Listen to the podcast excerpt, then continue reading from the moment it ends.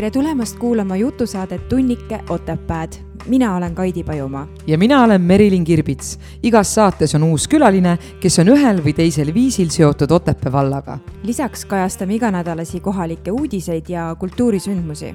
uus saade igal kolmapäeval. saate toob teieni Otepää Kultuurikeskus, et saadet toetab Otepää vald. head kuulamist. tere hommikust, Merilin. tere hommikust, Kaidi, kuidas sul läheb, kuidas tervis on, tuju? Tead, õnneks on äh, tervis ja tuju on väga head. põi, ma nüüd sülgasin kolm korda üle vasaku õla, sest kõik ümberringi on haiged, nii et see veits tekitab nagu paanikat, et kellelegi helistad, no kuule, ma ei saa tulla, ma olen haige. ma ütlen, issand jumal küll. on küll nii, et äh, sööge küüslauku ja sibulat ja, ja. rohkem C-vitamiini, C-vitamiini, C-vitamiini. just, ja seda D-vitamiini, ma saan aru, et see on väga oluline tegelikult. aga kui hea vitamiinivõtja sina muidu oled? ma olen väga hea vitamiinivõtja, viimased neli kuud ma ainult vitamiine võtangi mul on ikka väga, ma olen selles mõttes väga halb, et mul on mingi kümme erinevat potskat, onju mm., ma tegelikult ei tea ku,, kuidas võtta ja millal võtta. Äh, kui mul meelde tuleb, siis ma vahepeal võtan, kui mul kehvem on mm, -hmm. aga tegelikult, tegelikult peaks kunagi saatesse kutsuma kellegi, kes räägib nagu päriselt, et äh, kuidas mm -hmm. nagu kindlaks teha nagu mida võtta ja kuidas võtta ja et see on niisugune segane ja suur maailm, aga, aga ma siis piirdun praegu küüslaugu ja sibulaga. jaa, sest mõned vitamiinid on, mis sa pead võtma enne sööki ja peale sööki ja mida, mida, midagi, mis tuleb võtta koos C-vitamiiniga, sest muidu ta ei imendu ja siis ei tohi kohvi sinna vahele süüa või siis mõnede toodete puhul või mõnede mitte vitamiinide puhul ei tohi näiteks piimatooteid võtta, nii et ma võin sulle isiklikult ka rääkida. ma tean ka seda, mingit porgandist ei imendu äh, vitamiini, kui sa seda koos õliga ei söö ja, ja. mingid siuksed asjad kõik.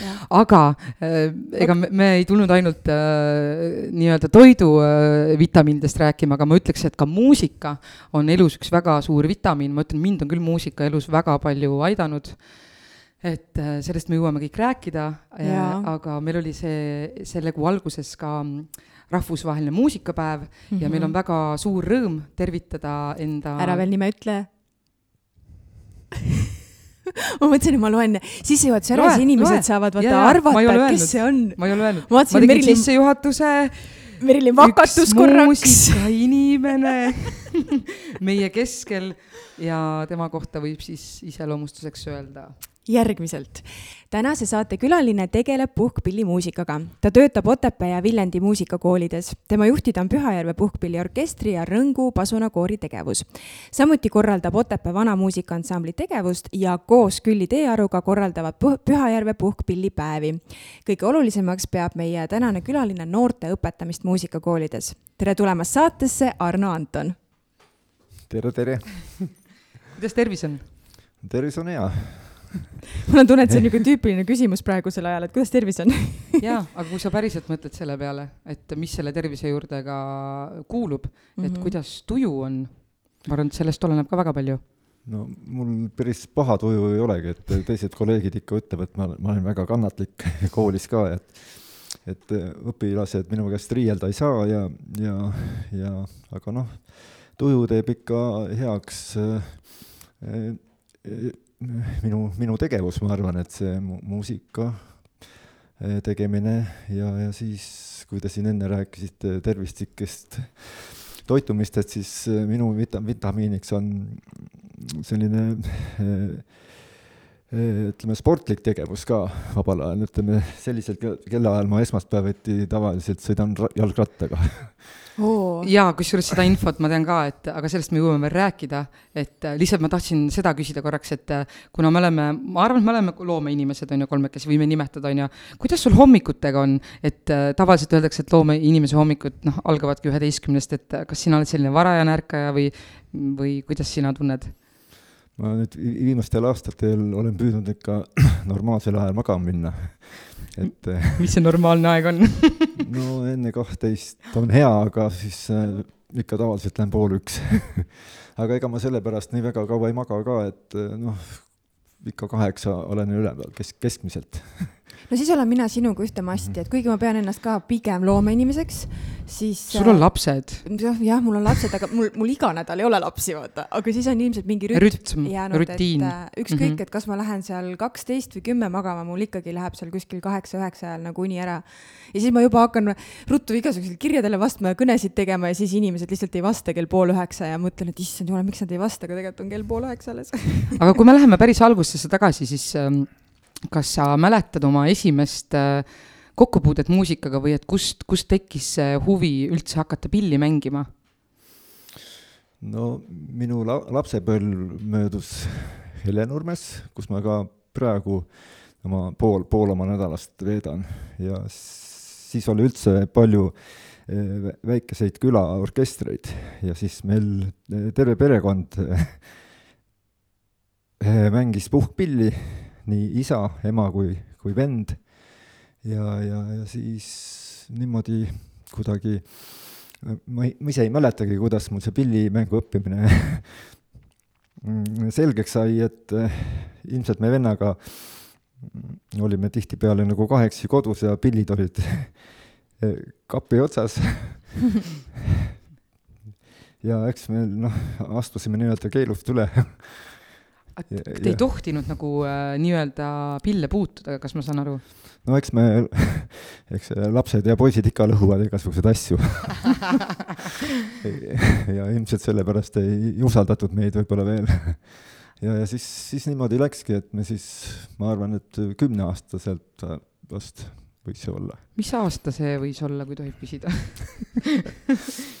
no kuuskümmend seitse äkki siis aga kui palju siis oli võimalusi, et näiteks kus sinu vanemad seda pillimängu õppisid, et kas siis toimus ka väga palju niisugust iseõppimist või? no siis, siis oligi nagu iseõppimine tegelikult, ma arvan, et äh, inimesed lihtsalt tahtsid sellega tegeleda, siis selliseid äh, vahendeid ei olnud, mis, mis nüüd inimesi nagu äh, tõmbavad endasse. aga kas sa kunagi hiljem läksid õppima ka midagi muusikaalast? Nojah, ega mul noh, ma olin maapoiss, aga mind nii väga need traktorid ka ei huvitanud ja ja, ja siis äh, ei olnudki nagu rohkem vist valikuid või niimoodi, et see läks nagu automaatselt. et ma õppisin Palupõrra põhikoolis, seal mu tädi oli ka nagu muusikaõpetaja ja ja, ja siis tema, tema ka noh, nagu soovitas minna. ja, ja siis peale orkestrit ma siis sattusingi või läksin Elleri nimelisse mm -hmm. Tartu Muusikakooli ja, ja, ja seal hakkasin trombooni õppima, et äh, algul mängisin baritoni, selline puhkpilliinstrument on olemas ja, ja siis Elleri koolis hakkasin siis nagu nullist hakkasin siis uut pilli õppima, siis juba nagu mm., nagu ikka õpetaja käe all aga, aga miks just puhkpill, et kas sa kunagi mõtlesid, et võiks ka mingi muu pill olla või oli puhkpill kogu aeg selline kindel suund? ega ausalt öelda nagu teisi pille ei teadnudki nii väga mm, -hmm. sellepärast et Helleormas oli see puhkpilliorkester ja ja muude pillidega ega kokkupuuteid ei olnud ja, ja ütleme, et sel ajal oli see liikumine ka, oli väga väike ikka, elati omas piirkonnas ja, ja kuskil kuskil ringi ei sõidetud, nii et ega võib-olla mind oleks muusikakooli ka pandud, aga aga ilmselt jah, see liikumine oli, oli teistsugune kui praegu. mis, mis pille vanemad mängisid või mis, mis need seal kapi otsas olid? isa mängis klarnetit ja hiljem tuubat ja ema mängis sama pilli, mis mina ja vend mängis trompetit mm. -hmm et, et selline. kas te kodus ka siis äh, musitseerisite koos, kui te lõpuks pillid kätte saite et kas oli nii, et, et noh, käisite küll orkestrites ja. koos ja mängisite koos, aga kas kodus ka sellist musitseerimist toimus? no ilmselt me harjutasime natuke vahetevahel vist oma partiisid, aga ütleme, sellist ansamblimängu meil nagu kodus ei olnud, et noh, ainult orkestripartiid mm. -hmm ja võib-olla midagi siis sünnipäevadeks võib-olla natukene mm -hmm. siis korraldasime. see võib olla rumal küsimus, aga flööt käib ka puhkpilli alla või? Oi, flööt on kõige parem puhkpill, kui eks ole, ma mäletan, mina mingil ajal ka kodus või noh, õppisin yeah. Äh, flööti, aga see lõppes mul üsna ruttu, kui ma liiga palju pidin kodus harjutama, siis vanemad võtsid flöödi ära või vähemalt mul on kuidagi puusid nagu, valest otsast sisse või? puusin jah, või väga valesti või midagi, siis nad panid mind klaverisse, aga jah, see on juba omaette lugu, ega siis mina saatekülaline pole. Nii et ma olen ka natuke kokku puutunud aga ütleme nii, et see tuli loomulikult, on ju, eks ole, et see perekeskkond ja, ja see kõik mõjutas mm,. aga kas sa oled selle peale mõelnud ka, et mis sind selle puhkpilli juures äh, nagu võlub, selles mõttes, et mm -hmm. kuigi see tuli loomulikult, siis, siis nagu miks, miks sa ei õppinud mingil hetkel midagi muud täiesti, muud pilli? no eks ma peale trombooni olude sunnil ikka pean teisi pille ka vahel mängima, et tuubat ja, ja sedasama tenorit ja foonimi ja, ja vahel õpilastega altsarve ja trompetit ka, et et noh, see puhumine on enam-vähem ühesugune kõikidel neil, huulik on lihtsalt suurem või väiksem. aga et miks see puhkpill nii tähtis on, no ma ei tea nüüd, ju ilmselt see trombooni kõla on nagu mind kõige rohkem võlunud ja noh, elu jooksul on ka mitte ainult puhkpilliorkestriga tegemist tehtud, vaid äh, siis, siis kui ma vahepeal nüüd Otepäält ära läksin Viljandisse, äh, siis äh, kaheksakümne üheksandal aastal õnnestus mul saada Viljandi linnakapelli liikmeks. Ja, ja, ja see oli väga selline õpetlik aeg, et, et seal oli, juhiks oli, algul oli Tõnu Sepp, nii-öelda Eesti, Eesti vana muusika algataja või isa ja, ja, ja siis pärast, kui ta lahkus, siis, siis tuli Hortus Musicuse solist, flöödisolist Neeme Punder tuli meid, meid juhendama. ja, ja, ja see, ma arvan, et see õpetas meid kõiki, kes seal parasjagu eh, olid eh, mängimas, et seal oli päris suur ansambel, oli eh, vist parimatel aegadel vist oli kuusteist äh, mängijat ja lauljat kokku, nii et ma saan aru, et seda on äh, palju, eks ole, kogus? nojah, seal olid nagu ütleme, selline e-, erinevad konsordid nagu moodustasid selle ansambli mm, -hmm. oli neli lauljat, siis oli ütleme, selline puhkpillikonsort, siis oli kambakonsort mm -hmm. ja, ja löökpillid ja klavessiin veel juurde, nii et, nii et see oli selline väga energiline periood ja, ja kõik väga tahtsid seda teha. aga noh, muusika tegemise juures on väga palju erinevaid viise, ma saan aru, et üks väga suur osa ongi sinu elust õpetamine. et kuidas sa jõudsid selleni, et sa tahad äh, jagada või edasi anda, et äh,, et kas sul on mingisugused põhimõtted või sa lihtsalt tunned, et sa tahad jagada seda? No praegu vist on jah, juba selline tunne, aga ega see õpetamine nii väga kergelt ei hakanud ka minuga peale, et eh,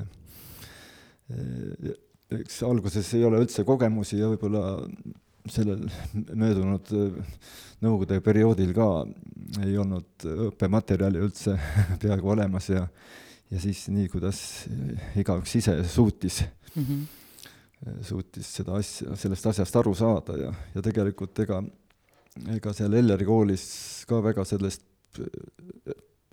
laste õpetamisest nagu ei räägitud, eks ikka seal Elleri koolis ikka kasvatatakse nagu soliste ja mm, -hmm. ja interpreete ja natuke õpetati ka puhkpilliorkestri dirigeerimist, et et see pedagoogiline praktika, selle aine küll oli olemas, aga seda tehti nii-öelda mööda minnes natukene mm. -hmm.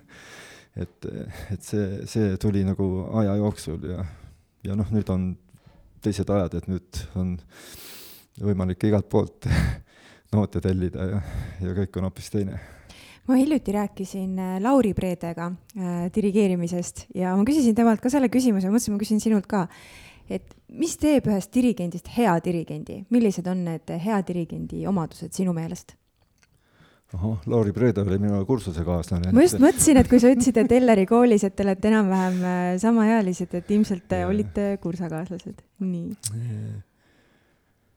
noh, eks ikka see muusika tunnetamine, sa pead endast kõik selle läbi laskma ja siis, siis siis, siis saavad ka mängijad.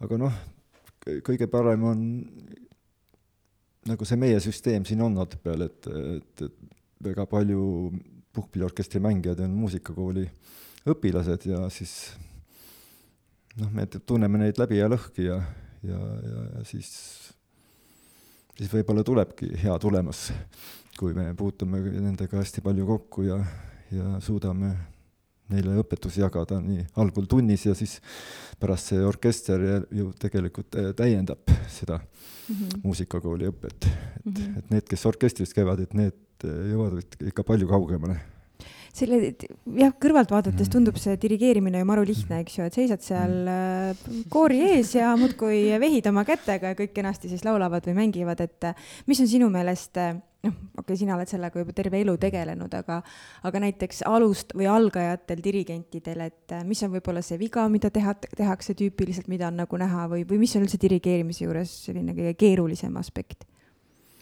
no mul praegu kohe silmade eest jooksis läbi, kuidas mina oma esimesi dirigeerimistunde sain, et nii, jaga palun ühes klassis oli siis nagu kaks klaverit, kaks tiibklaverit ja siis mina seisin postamendi otsas nende kahe klaveri vahel ja siis äh, kontsertmeister Made Sõlg äh, mängis noh, seal mingid Griegi Norra tantsud ja, need mm., need vist äh, lasti, noh, kõik õpilased ühesõnaga õpetati enam-vähem ühed, ühtede samade lugude järgi, nii et aga noh, ega see esimene dirigeerimine, ega see nüüd mingi dirigeerimine ka ei olnud, et see oli lihtsalt üks selline tuuleveskite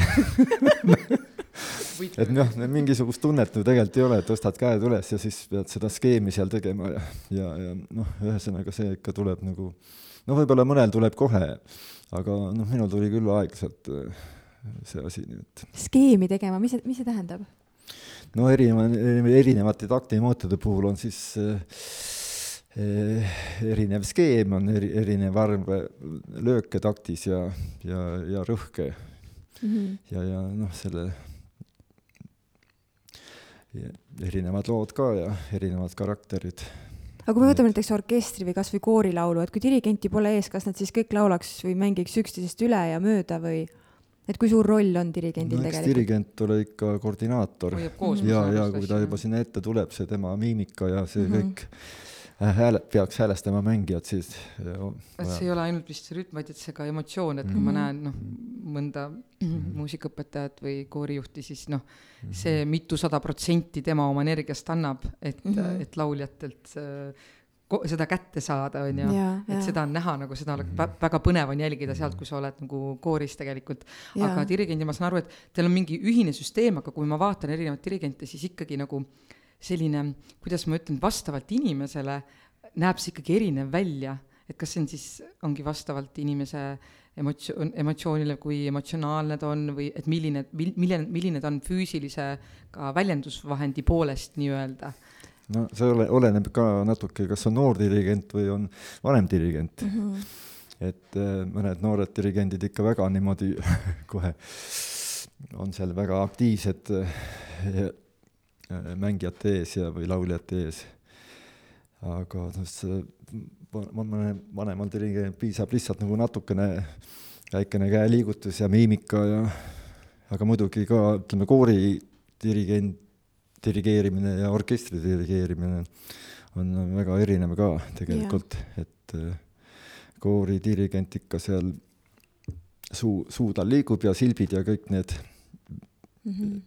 Need on nagu abistavad siis lauljaid, aga noh, orkestrimängijad peavad nooti lugema, eks lauljad ilmselt, neile õpetatakse need viisikesed selgeks, aga orkestrimängija ikka peab nooti tundma ja, ja, ja noh, neile ei pea kõike niimoodi nämmutama, nad peavad ise muusikat nagu rohkem jagama mm. -hmm. jah, ma mäletan, kui see aasta oli üheksateist august oli Puka öölaulupidu ja, ja siis äh, koorid tegid seal proovi ja noh, ma ei kujuta ette, palju meil seal kaare all oli, no ikka üle saja inimese mm. -hmm ja dirigent seisis lihtsalt äh, korraks, noh, no oli, ta oli nagu küljega -hmm. oli äh, koori poole ja samal ajal vist rääkis kellegi teisega või siis selle peasolistiga. ja, ja bänd hakkas mängima ja see dirigent tegi ühe liigutuse niimoodi käega ja siis järsku nagu tegi kõik see üle saja inimese tegid korraga suu lahti, hakkasid laulma, no minul käis nagu täiesti see külmajutt nagu üle keha või kuidagi niisugune mm -hmm kuidagi nagu nii väike žest pani tegema grupp inimesi ühte sama asja, et see oli, see oli nagu, see oli, seda oli nii ilus vaadata, see oli nagu väike liigutus ja kõik toimis, et nagu noh, väga suur lugupidamine igal juhul dirigentide ees küll. Aga kui me tuleme selle õpetamise juurde, siis ähm, ma ütlen, et koolis, ma ise annan ka mingisuguseid koolitusi või olen mingisuguseid tunde andnud mm siis äh, noored äh, erinevad natukene võib-olla vanemast ajast, et äh, kuidas sa, kuidas sa nad tööle paned, kuidas sa neid motiveerid mängima pilli, sest vaata, õpilastel on ju erinev motivatsioon pilli mängimiseks, osad on pandud, sest et peab käima tantsutrennis, pilli peab mängima, laulma peab, neil on kotid silmadel, nad on väsinud, on ju, oma koti vedamisest. Ja ja võib-olla on siis mingi protsent, kes reaalselt sa näed, et ta tahab seda mängida, et, et kuidas, kuidas sa neid tööle paned? Ega see on tõsi, et äh, õpilased on kõik väga erinevad ja eks neile peabki individuaalselt lähenema. aga noh, sellest motivatsioonist kõik oleneb väga-väga suur protsent on ikka sellest kodust oleneb, et kuidas see kodu suudab aidata neid seal harjutada ja niimoodi oma koduseid ülesandeid täita. et, et noh, meil on ka hästi palju selliseid suur, paljulapselisi perekordi olnud, kellel, kellel on väga, väga head tulemused olnud niimoodi, ema on kodus olnud ja, ja saab, saab neile silma peal hoida ja, ja siis on ikka hoopis, hoopis midagi muud. aga noh, ega mõnda ei suudagi motiveerida, seepärast et tänapäeval paljud lapsed on juba nii väga enesekindlad, nad teavad, mis nad tahavad ja, ja ega kui ta ikka ei taha, siis ei pane teda keegi niimoodi mängima, nii et, et aga noh, me ikka oleme kõikide vastu niimoodi heatahtlikud ja, ja siis kui keegi jõuab nagu kiiremini edasi, siis, siis sellele anname nagu suuremaid ülesandeid ja, ja kes, kes ikka kes ikka noh, läheb aeglasemalt edasi, siis, siis, siis teeme lihtsamalt ja lihtsamaid asju ja, ja noh, kõige tähtsam on, et ikka instrumendi õppimise vastu oleks huvi. kui, kui natukenegi huvi on, siis on võimalik midagi teha mida muusika sinu jaoks tähendab? miks sa tegeled muusikaga? no eks see muusika ole ikka emotsioon ja, ja ega vahel on tõesti raske et kas või võtta neid puhkpillipäevi, et, et me oleme, me oleme ikka mõelnud küll, et, et lõpetame selle asja ära aga, aga siis, kui jälle see lõppkontsert on ära olnud, siis noh, kuidagi kahju mm. -hmm. et, et me räägime siis Pühajärve puhkpillipäevadest, mis on väga et, pika traditsiooniga. no võib-olla jah, ütleme et eks see muusika ikka kujundab inimese seda sisemist hi hinge ka mm, -hmm. et ma arvan, et kui ma kuskil mingi lihunik oleks, et siis siis mu süda oleks natuke kõvem ja et see emotsionaalne tegevus ikka. aga noh, ma ei tea, ma, ma olen küll õnnelik selles mõttes, et et, et ma selle asja juurde olen ikka jäänud ja ja ja saab, saab nagu ise rõõmu tunda ja teistele rõõmu pakkuda ka, nii et. mulle tundub, et sul on ideaalne äh, kombinatsioon sellest, et äh, sa saad ise muusikat teha mm., sa mängid, eks ole äh,, erinevates kooslustes, mm. pluss sa õpetad, et äh, et sa oled nagu muusikaga ja pluss sa korraldad, sa oled tegelikult ka sündmuste korraldaja veel pealekauba, et sa saad nagu muusikast hästi palju erinevaid aspekte, hästi palju erinevaid külgi saad muusikas tunda. et mina olen ise ka tegelikult kogenud, et kui suur jõud ja vägi on tegelikult muusikal inimese elus ja ma olen mõelnud seda ka, et muusika iseseisvalt saab väga hästi hakkama, aga teater ilma muusikata oleks noh, kindlasti on võimalik ja olemas mm., aga kui pooleldi tühid oleks tants, noh, kindlasti on vaikivaid etendusi, väga põnev on jälgida, aga tegelikult, mm. et kui, kui palju muusika toetab kõike muud, vaimset tervist, kõike mm -hmm. toetab, et, et just see jõud ja see miski, see vägi, mis, mis muusikas tegelikult on, see on, see on nii oluline elus, et kui inimestel, inimesi on võimalik minu arust mõjutada muusikaga et öeldakse ka, et kui sa oled õpetaja, räägitakse isegi nagu sellest hääletoonist või sellest kõlast, et kuidas õpetaja räägib, et kui on väga kõrge äh, kriiskav hääl, siis see, see ei jõua inimestesse mm -hmm. nii-öelda või õpilastesse, aga kui on madal toon, siis see läheb keharakkudesse, et keharakud reageerivad nii-öelda hääletoonile või muusikale. et mina olen küll muusikat oma elus väga palju kasutanud oma äh, mm, emotsioonide läbielamiseks, nad aitab läbi elada mm, -hmm. et kui mul on olnud väga raske aeg, siis ma olen meelega kasutanud äh, sellist muusikat, mis aitab mul sinna sisse minna. vahest tehakse nii, et pannakse lõbus muusika, et halba meeleolu ära viia, on ju, mhm. aga mina arvan, et just tuleks võimendada, et muusika aitab ka teatris ja tantsus kõiges võimendada nagu seda emotsiooni ja ta aitab meil ka igapäevaelus seda teha. jaa, ma olen täiesti nõus, Merilin, sinuga, et, et, et muusikaga, muusikas on see vägi, mis meid mõjutab väga sügavalt, et kasvõi hommikul, et kui ma ärkan üles, ma panen alati muusika käima või kui ma autoga sõidan, ma panen alati muusika käima et olenebki, et missuguse pala ma hommikul valin. sellest johtuvalt on, tegelikult kulgeb ka minu ülejäänud päev. et või, või siis see, et, et kuidas muusika nagu äh, mõjutab, et on ju tehtud teste ju veeklaasiga et kui on klaasis vesi ja on sinna lastud nagu väga sellist rasket muusikat või väga helget muusikat või mingi noh, noh erinevaid žanreid ja siis on lastud see vesi ära külmuda, et mismoodi, millisel kujul ta nagu külmub et kui juba veeenergeetika selliselt meile vastu võngub või selliseid äh, imelisi kujundeid äh, loob, et mida siis see inimene veel nagu kogema selles muusikas peab või aga saab? seal on vahe, muusikal ja muusikal on väga suur vahe, et äh, ja see, see, millist muusikat me kuulame või millega me elus kokku puutume, seda mõjutavad just inimesed, kellega me kokku puutume, et ma ise olen viimasel ajal kogenud seda, et minu muusika kuulamine on hästi palju nagu muutunud. Mm -hmm. ja ma tajun nüüd tegelikult, kuidas muusikal ja muusikal on vahe, et tänapäeva, vabandust, popmuusika, ütleme niimoodi, on väga äh, pealiskaudne ja, ja me nimetame tapeediks, et ma tegelikult juba tükk aega ei kuula raadiot tegelikult, sest et mhm. sealt tuleb lihtsalt tapeeti, mis ei mõju mulle tegelikult äh, üldse.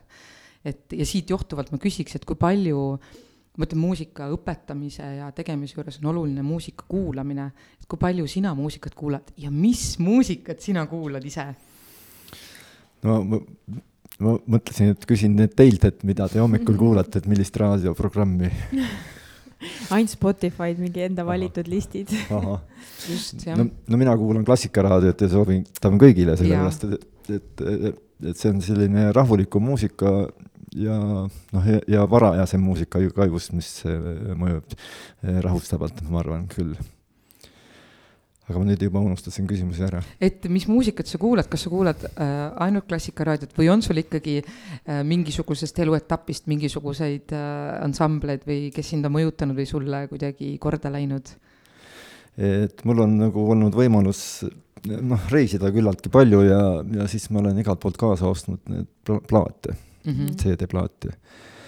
et see tagavara on päris suur ja ma, ma kuulan neid päris palju ja siis noh, vahetevahel ikka jõuab kontsertidele teisi ka kuulama, nii et, et kui on aega, siis meil Eestis on suurepäraseid muusikafestivali hästi palju.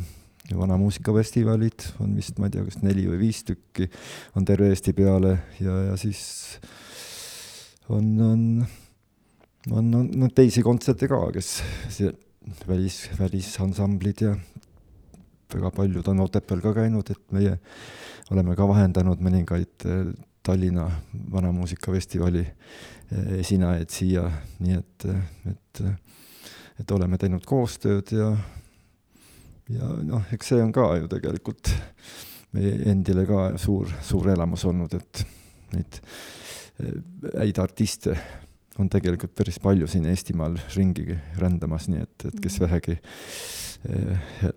tahab ja, ja saab, et, et see saab hästi palju erinevat muusikat kuulata. kui me tuleme tagasi korra selle pilli mängimise juurde, et kui palju sina ise igapäevaselt pilli harjutad või kas sa üldse harjutad, et ja, ja, ja ma küsin kohe lisaks, milline on näiteks selline lemmikpala, millega sa alati enda harjutamissessiooni alustad või mis sulle endale meeldib mängida? no iga puhkpillimängija peab ikka alustama pika noodiga ahah, no ma ei tea, ega mäletan küll, Eleonora puhkpilliorkestris oli üks klarnetimängija, see mängis küll lahti mingisuguste selliste sõrmeharjutusi, mängis pikkade ludinatega lahti ennast mm. -hmm. aga no mul nagu lemmikpala nagu selle koha pealt ei ole, aga noh, mõn-, mõnesid lugusid vanamuusikast ole, oleme küll hästi palju nagu, nagu mänginud, aga aga noh, õpilastele ka on ikka püüdnud pikka nooti soovitada ja noh, et see tagab sellise hea tervise pärast nagu keerukamate lugude mängimisel, et ei tohi nagu noh, ütleme, see on täitsa nagu sportlaselgi, et ei hakka kohe mm -hmm. maksimaalse koormusega trenni tegema või jooksma, et, et ikka pead rahulikult lahti oma lihased soojaks tegema ja meil on nagu samamoodi, nii et aga kui tihti sa harjutad või kas sa üldse harjutad? või sinu harjutamised ongi siis, kui sa dirigeerid või õpetad või? no ütleme siis, siis kui on nagu vaja harjutada, siis ma harjutan rohkem, aga, aga eh, põhiline mängimine käib ikka õpilastega koos, ma arvan, mm. et ja, ja siis, kui ma natuke varem enne tunde kohale lähen, siis ma panen ka kõik oma pillid, panen statiivide otsa ja, ja siis, siis võtan, võtan mõne ja, ja siis natukene mängin, nii et kas te õpilastele ka lasete erinevat muusikat, et räägitakse, et see on ka oluline osa, et nad kuulaksid, oska-, oskaksid nagu kuulata muusikat, enne kui nad hakkavad äh, ise seda nii-öelda tegema? no meil on tihtipeale nootide vahel on plaadid ja siis, siis me saame neile neid äh, lugusid nagu tutvustada ja noh, praegu saab arvutist ka Youtube'is on kõik mm, -hmm. kõik lood peaaegu olemas. Ja, ja, ja siis noh, ikka soovitame ja, ja ja, ja nii mõni, mõningad kontserdid on ka, kuhu me neid suuname nii-öelda mm. -hmm. jah. Aga kui te ise kontserdil käite, siis kas te saate erapooletult nii-öelda muusikat äh, kuulata või vaadata või te pigem noh, kui ongi tegemist äh, mingisuguste pillidega, et kas te nagu naudite seda, kuidas, kui oskuslikult ta mängib või te suudate kogu seda tervikut nii-öelda, nagu te rääkisite ennem, endast läbi lasta või tunnetada, et äh, et vahest on raske, et tekib see kriitika kohe nagu enda erialaselt, et jah, et, et panen tähele, et, et see noot oli must ja mm. -hmm. absoluutselt, on ju tegelikult, osad ei suuda sellest üldse lahti lasta, et see on väga suur oskus äh, erapooletult vaadata seda asja. ja noh, teinekord ega see must noot ka nii väga palju ei häiri, et äh, kui esinemine on ikka noh, nauditav ja, ja tõmbab nagu kaasa, et, et siis, et siis vahel on küll niimoodi, ma tunnistan küll, et no et, nii hakkab tulema et noh, mõnel kontserdil ikka tuleb uni ka peale, et aga aga miks, miks uni tuleb peale? eriti noh, see vaiksemad pillid, flöödid just, madalas kestis flöödid. ja noh, sellised pika, pikad meloodiad ja aga mitte alati, kui on ikka noh, esineja on väga hea ja siis ma arvan, et siis, siis sa, sa oled kohe nagu süte peal seal, kuuled teda igat ta, takti, tahad, ei taha nagu millestki ilma jääda mm. -hmm. aga tegelikult äh, ega see uni ei ole alati ju ka negatiivne, et see oleneb täiesti ju sellest kontserdist või sellest materjalist, äh, mida mängitakse et.... ma arvan küll, et, et see on võib-olla isegi hea märk just, et midagi ei häiri et nagu, kui oleks väga mustad noodid, siis oleks kogu aeg nagu ärevus peal on ju. midagi ei häiri. nii hea, nii hea kontsert ja midagi ei häiri, ma jäin magama. ei, kuidas kontsert meeldis? ei, väga hea, midagi ei häirinud mul tuleb sellega meelde see, kui tegime muusikalilaagrit eelmise aasta suvel ja siis meil oli seal lauluõpetaja ja siis ta ütles ühe poisi kohta, kes noh, eriti laulda nagu ei oska, aga näitleb okeilt. aga ta pidi seal natuke laulma ja siis ta ei ta on, ta on lahe kutt, et ega muusika teda ei häiri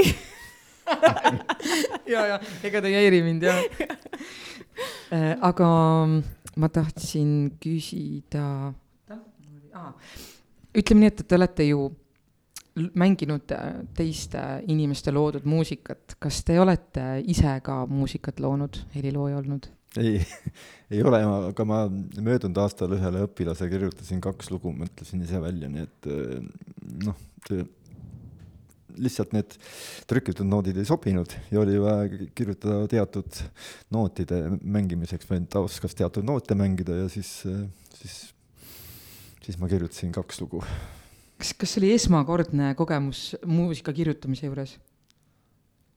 ja ma ei ole, mul ei ole nagu otsest vajadust olnud nagu muusikat luua. just, aga kas seda tungi ei ole, sa tunned, kas te ei ole nii-öelda luuletajad, osad, Kaidi siin on kindlasti sahtlite sunnikus luuletusi ja aga et kas seda tunnet ei ole olnud, et äh, tahaks ise luua?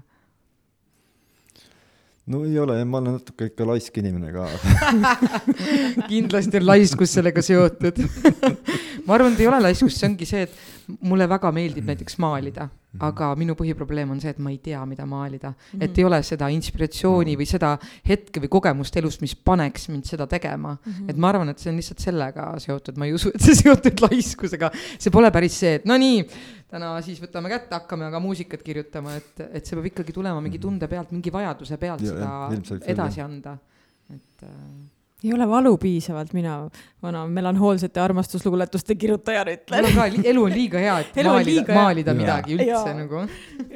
sest looming ju tegelikult sünnib kas, kas väga eufoorilistest hetkedest ja. või, või väga nagu valusatest ja. hetkedest. kogemustest nii-öelda ja emotsioonidest, mis me elus saame. aga meil tuli natuke juttu spordist siin ennem et äh, räägime siis natukene sellest, et äh, oled oma muusikakooli ukse kinni pannud, eks ole, mis äh,, lähed koju, mis edasi juhtub, mis sa veel teed? jah, mis no, hobid on? oleneb aastaajast. nii? Äh, no, no suvel ikka äh, sõidan maanteerattaga ja, ja noh, rohkem nagu ei teegi muud äh, spordi koha pealt, et äh, et ma isegi vist kolmel triatlonil olen vist käinud sellise nõrgema tasemega Vau wow. issand, ma, triatlon oli minu jaoks ikka täiesti üle mõistuse raske ala. ja, jah, aga, aga jah. ja siis no ütleme, kui külmemaks läheb, siis ja natuke lund tuleb, siis, siis ma olen nagu suusamees mm. -hmm. ja, ja, ja noh, ikka asjaarmastaja, ega mingisuguseid suuri tulemusi ei ole, aga, aga nii, nii palju võin ka uhkusega öelda, et ma olen eh, kolm Vaasa lopeti pikka mm -hmm. distantsi olen lõpetanud ja wow. ja, ja, ja siis ühe, ühel oli, oli kukkumine ja siis, siis ma, siis ma lonkisin esimesse punkti, kus, kus mulle järgi tuldi, nii et mm -hmm. aga, aga nüüd siin kohalikud Tartu maratonid, et need, need ma olen ikka alates kahe tuhandendast vist olen vist see ei ole vist ühtegi vahele jäänud. Mm, kas uisutamas olete ka käinud? jaa. olete uisumaratonil ka viibinud? jaa, olen koos presidendiga ühel distantsi või ühel võistlusel olnud, nii et. millise presidendiga viimase. ahah, eelviimase või? eelviimase, jah aga mis, kuidas, kas see sport on olnud väiksest peale selles mõttes, et kas see oleks võinud olla ka sinu elus mingisugune teine valik või, või kuidas see sport on sinuni jõudnud? Noh, ega tegelikult ei ole, et äh, mul, kui siia Otepääle tagasi tulles, siis, siis mul olid, tekkisid sellised sõbrad, kes, äh, kes olid sportlikud ja siis tänu nendele mm. -hmm. sõbrad on süüdi? jah, sõbrad aga mis sulle veel meeldib teha lisaks muusikale ja spordile, on sul veel mingeid hobisid? noh, ega vist ei ole, see selline kodus toimetamine, see vist nagu ei ole hobi, et et äh, aga kas sul jääb aega kodus toimetada, mis on need lemmikkodused toimetused, mis sa teed ei, ma ei tea nõude pesemine nõudepesu, polegi nõudepesumasinat või ei, ma, ma, mulle ei meeldi sulle ei meeldi, mis? nõudepesumasin. aa, väga hea. miks? see on väga huvitav. see on nii aeglane muidugi siis, kui sul on üks tass kodus, siis, siis on tõesti, sa pead ootama seda päris tükk aega. mul ka kodus pole nõudepesumasinat, ega ma igapäevaselt äh, üksi elades ei, ei igatsegi väga selle järele, aga siis, kui on mingi pidu olnud, siis on küll selline tunne, et issand jumal küll. tead, mina elan hetkel kommuunis ja mina arvan, et nõudepesumasin isegi hetkel ei ole äh, väga hea mõte, sellepärast et äh,. kõik panevad käima kogu aeg või? ei, vastupidi, et nagu. keegi ei pane käima. kogu see masin on nõusid täis nagu ja siis mulle Musli. tundub, et jah, et igaüks peaks kohe, kohe ära pesema enda nõu, vaata mm. muidu neid mulle tundub just, et tekib nagu nii palju sinna. ja siis võib veel ühe masina juurde osta. just, kolm masi-, igalühel oma masin nagu.. siis igaüks peseb oma kahte kruusi seal, see on väga ökonoomne. aga meil on kommuunis see masin on katki ja siis me hoiame seal potte ja panne lihtsalt tühjas äh, nõudepesumasinas mujal ei ole hoida, onju. hea koht jah, köök on väike, vaata. nii, muusika ja sport, kas, aga mida sa tunned, kui sa kui sa liigud, et kas, kas see on mingisugune nii-öelda vaimu puhkehetk? kas see toidab kuidagi teisiti, annab tagasi nii-öelda? ma ei tea, keha, keha ilmselt juba ise tahab mm, -hmm. et ma natuke liigutaksin ennast ja noh, see on ikka hea tunne, ütleme, kui, kui nagu eriti hea tunne on siis, kui nagu lõpetad mingi distantsi või, või, või trenni, et, et siis on eriti, eriti mõnus, mõnus tunne, nii et. Sest öeldakse, et ju liikumine on kõige parem stressiravi, et kuidas sina tunned, on õpilastega töö kuidagi ka stressi tekitav vahepeal? kas sa, sa tundud väga rahulik ja sa mhm. nimetasid sõna kannatlik, kas sa, kas sa, on olukordi ka, mis sind närvi ajavad, oled sa nagu päriselt vihastunud kunagi? no eks ma ikka olen, aga ja kes see oli, kes see oli? nimesid ei tohi nimetada mis no,, mis sind ajab närvi elus, jah?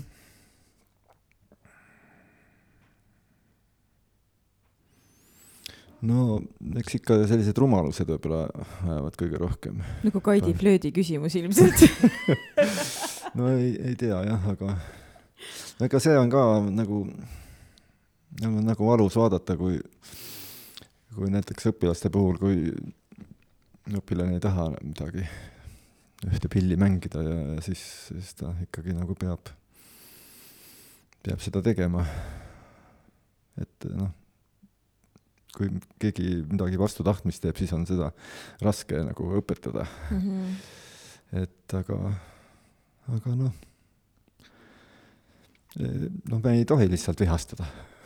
jah, tundub tõesti väga kannatlik, minul on sellega rohkem probleeme, selle tagasihoidmisega, aga ütleme nii, et kindlasti mõned inimesed ei jõuaks elus selle muusikani, kui tema vanemad ei oleks tegelikult seda toeta-, toetanud. Et ku-, kust tajuda nagu ka vanemana ära see piir, et äh, kas on mõtet last edasi sundida või mitte, et mul on tunne, et seal on need piirid nagu hägused, et äh, et van-, osad ju täiesti noh, kuni lõpuni välja, aga tegelikult kui sa tõesti ju näed või tunned või, või et kas peaks lapsega päriselt rääkima, et kuidas mõista teda või kust, kust läheb see piir, kuidas aru saada, et ei ole mõtet sundida? eks me püüame ka nagu mõista ja püüame ka nagu lapse sisse minna, et et miks see siis niimoodi on. aga noh, võib-olla mõnede lapsevanemate puhul on, nad on ise äkki pooleli jätnud ja siis on terve elu kahetsenud ja ja, ja tahavad siis oma lapsi niimoodi muusika juurde viia aga see piir ongi niimoodi, et sellest nagu hästi ei saagi aru. Mhm. jah, mina võin et, nagu siinkohal peegeldada seda lapsevanema mhm. poolt, et. no nii, peegelda. et noh, minu laps küll muusikaga ei tegele, et ta on seitse ja käib jalgpallis ja nüüd hakkas neljas hooaeg ja noh, ta pikemat aega juba räägib, et ma ei viitsi käia, ma ei viitsi käia ja siis ma olengi nagu treeneritega rääkinud ja ise mõelnud enda tuttavatega, et, et mida ma nagu peaksin tegema, et iseenesest treener väga kiidab, et tal on annet ja ta tuleb trennist tagasi, tal on alati hea tuju, aga mul sinna saada teda on nagu raske ja vahepeal isegi ta hakkab täitsa nutma, ma ei taha minna, ma ei taha minna.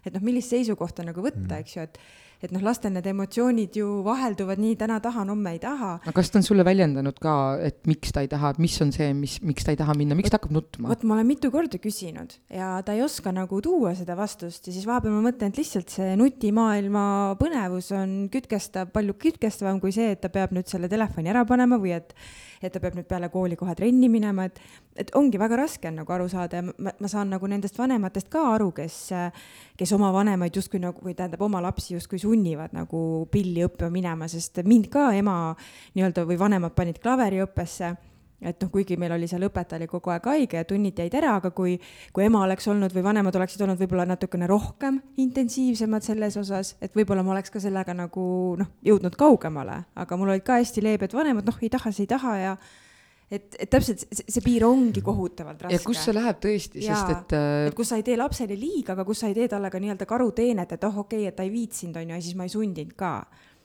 jah, sest sellest räägitakse ju palju, et va oma vanematel endal on jäänud kunagi midagi saavutamata ja nad püüavad laste peal seda ellu viia. et mul on tunne, et sellel mingil hetkel peaks vanemad iseendasse vaatama korraks, et ja kuulama last ja vaatama tõesti, et lihtsalt ega muud ei olegi, mina olen näinud lihtsalt seda, et, et kui palju valikut on lastel mm -hmm. ja nad mhm. ei saa kõike teha, et mingil hetkel tuleks mingi valik teha mm, -hmm. et nad saaksid selles teatud asjas nagu ka areneda. et kui kõike natukene teha, siis tekib lihtsalt sihuke müra minu arust laste ümber. Mhm. jah, aga ma mõtlen, et need, need on nagu väga sellised äärmuslikud ja ekstreemsed näited, et kus Neid vanemad, ja ma mõtlen seda, kus vanemad elavad enda tegemata nagu laste peal välja, sest ma mõtlen, et minul Merilin lihtsalt ei suuda nagu nii palju.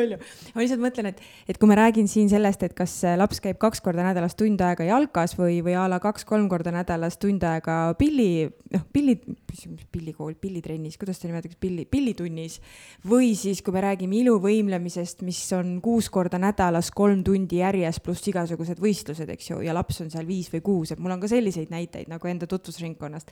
et siis on nagu see, et et kes seda tegelikult tahab, seda iluvõimlemist mm. teha nagu et kas viieaastane laps tahab viis korda või kuus korda nädalas kolm tundi trenni teha mm.? aga mulle tundub, et iluvõimlemine on, on ka äärmuslik ala, mida selles mõttes valida, et äh, seal see kannatlikkus ja see töö on nagu, see on nii suur lihtsalt, et kui üldse selles midagi saavutada, siis seal on minu arust kas kõik või mitte midagi.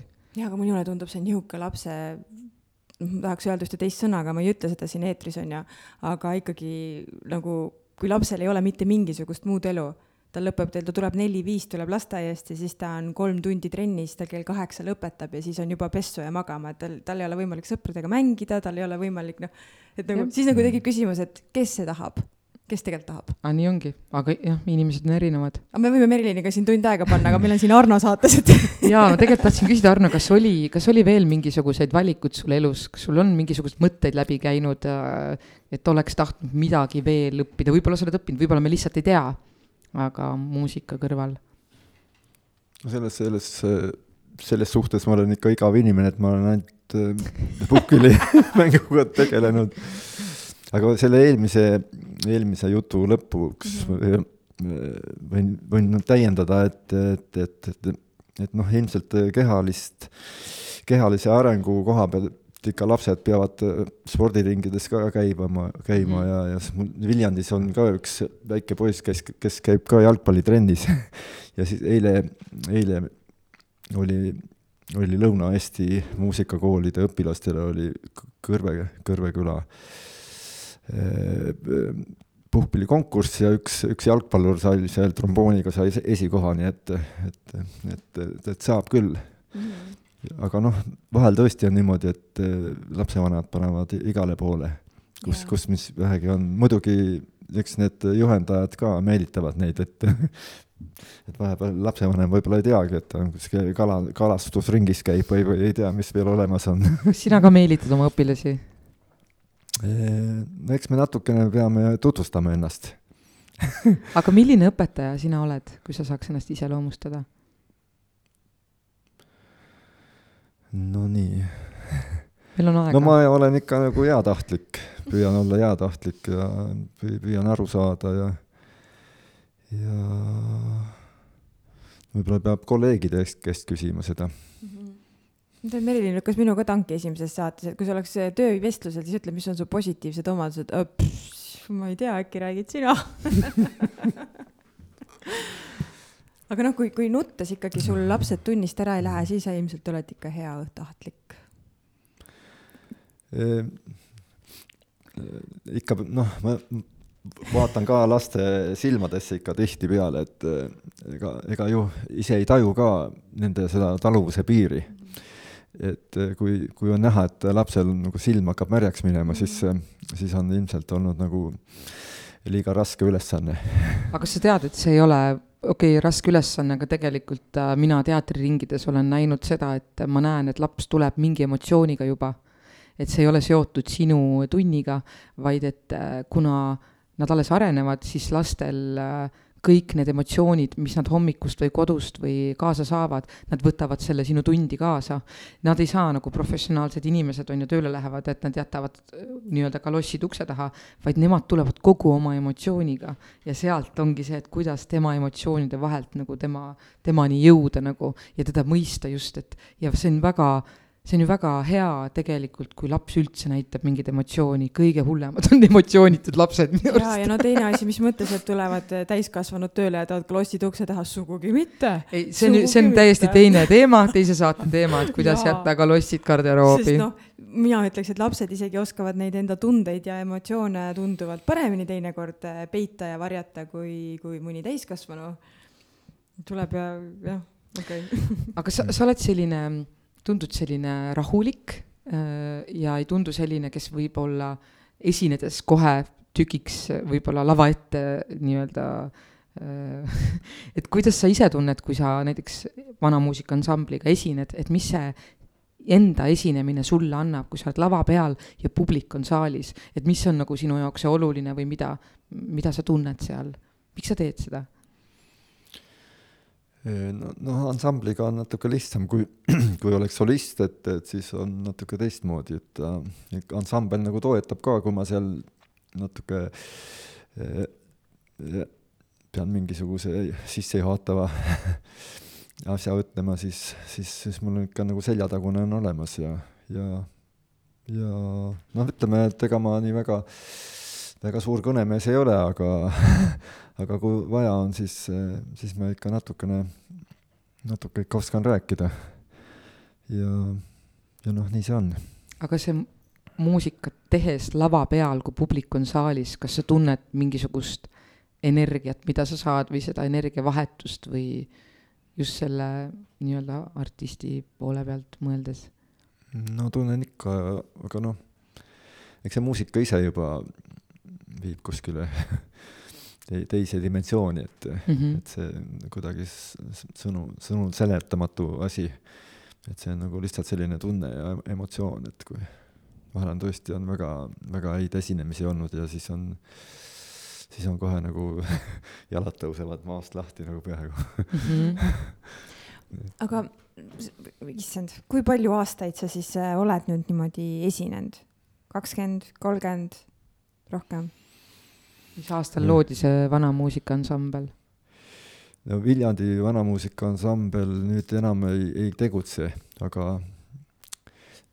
e, see ansambel muidu loodi tuhat üheksasada seitsekümmend üks, aga aga oh. mina läksin sinna tuhat üheksasada kaheksakümmend üheksa, siis, siis ta tehti nagu poolkutseliseks mm. -hmm et ennem seda oli ta muusikakooli juures ja õpetajad ja õpilased mängisid, aga siis olid nagu ainult siis õpetajad või siis mängijad mm -hmm. siis väljastpoolt muusikakooli ka. ja, ja see kestis siis noh, vist umbes kolm aastat tagasi.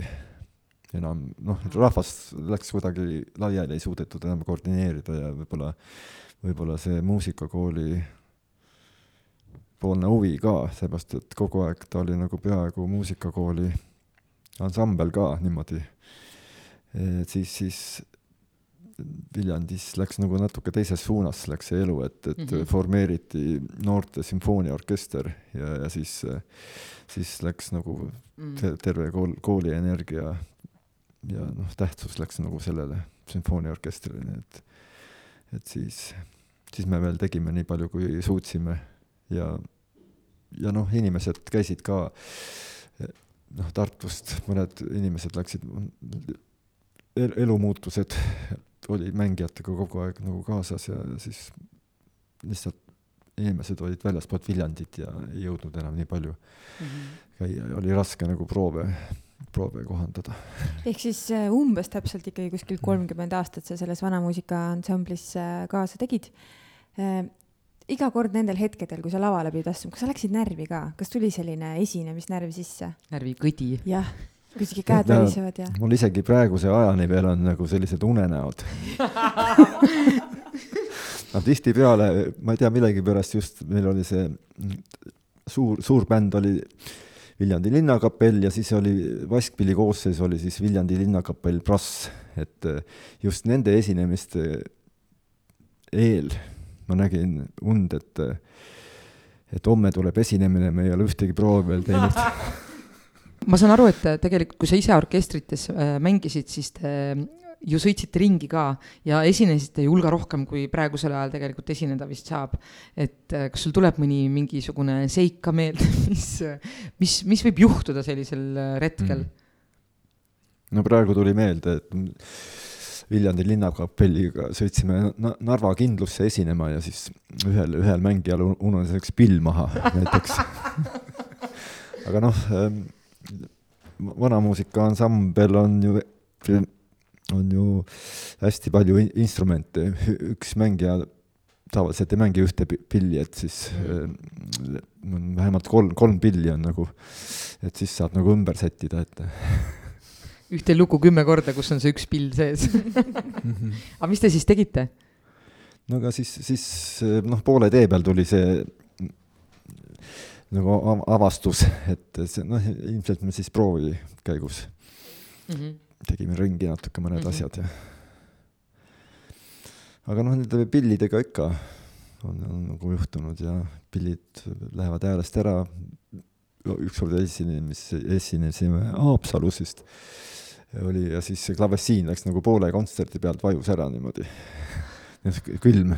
kõik kuulevad, kõik oli. kuulevad seda, onju, kõik saavad aru ja siis minuga ka oli ka üks juhus oli,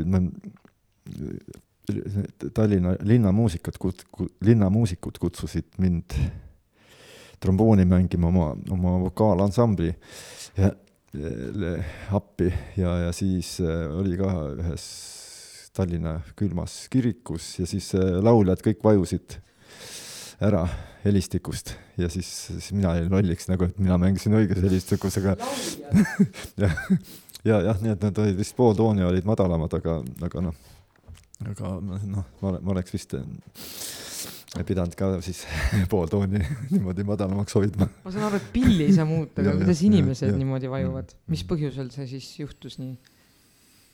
no aga üks läheb ees ja lähevad järgi no lihtsalt läheb niimoodi ja võid ise proovida niimoodi, kontrolli pärast klaveriga oma laulu. ja mina kindlasti, pooltoonid on eriti minu tugev külg, et ma võin, e, e, veerandtoonid on veel nagu, veel tugevam külg mul. minul on laulmine täiesti nõrk, nii et ma kogu aeg laulan, kuskil kukun ära või tulen aga üles. aga see maailm on väga põnev, sest tegelikult ja. ma tunnen suurt kadedust äh, inimeste üle, kes on musikaalsed et äh, ma lihtsalt kuulan ja imestan ja mm. naudin seda kõike, mul on väga kurb, et ma ei suuda seda ise luua. aga kas sinul on äh, muusikaliselt, on sul elus ka mingisugune eesmärk selles mõttes, et kas sa käid, noh, sa teed, toimetad erinevaid asju, aga sa tunned, et sul on mingisugune sihuke pealisülesanne või pealise eesmärk, mille järgi sa tunned, et sa elad? vot nagu noh, väga suurt sellist eesmärki praegu ei ole. ilmselt see orkestritega tegelemine, no tahaks ikka, et nad e-, edasi eksisteeriks, võib-olla see on praegu peamine ülesanne. et, et, et praegu nagu suuresti on nagu õpilaste, õpilaste kanda on vähemalt siin Põhjala puhkliorkestris see tegevus.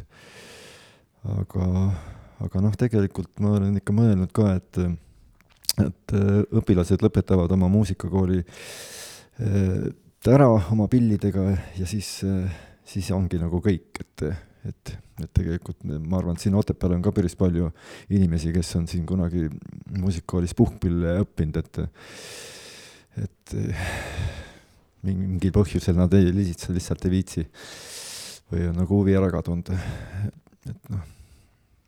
kas kas kõik päevad nädalas on sul seotud kas tunni andmisega või dirigeerimisega või on nagu mõni selline vaba päev ka? no praegu on äh, laupäev, on selline äh, püha päev minu jaoks, et mm, -hmm. et mhm. siis, siis ma hea meelega midagi igapäevast ei teeks. peaasi, et nõusid aga mis on see miski, kui sa ärkad hommikul, teed silmad lahti ja mis on see miski, mis paneb su silmad särama, on see ikkagi endiselt muusika? No üleüldse, et, et et noh, kui ma, kui ma saan ilusti välja puhata, siis, siis ma noh, olen nagu energiat täis ja, ja, ja vaatan päeva peale nagu rahuliku südamega ja, ja ega ma kohe nagu muusika peale ka ei mõtle, mõtlen, vaatan, päike paistab ja tuleb ilus ilm, et siis, et saab seda ja teist teha ma arvan, et see on väga oluline osa elus, et mm., et sa võtad selle aja endale, kus sa puhkad välja, et sa saaksid teistele anda. sest sina ka, sa pead igapäevaselt nii palju endast välja andma, et see on mm. väga, väga, väga tubli omadus, et sa võtad selle aja endale.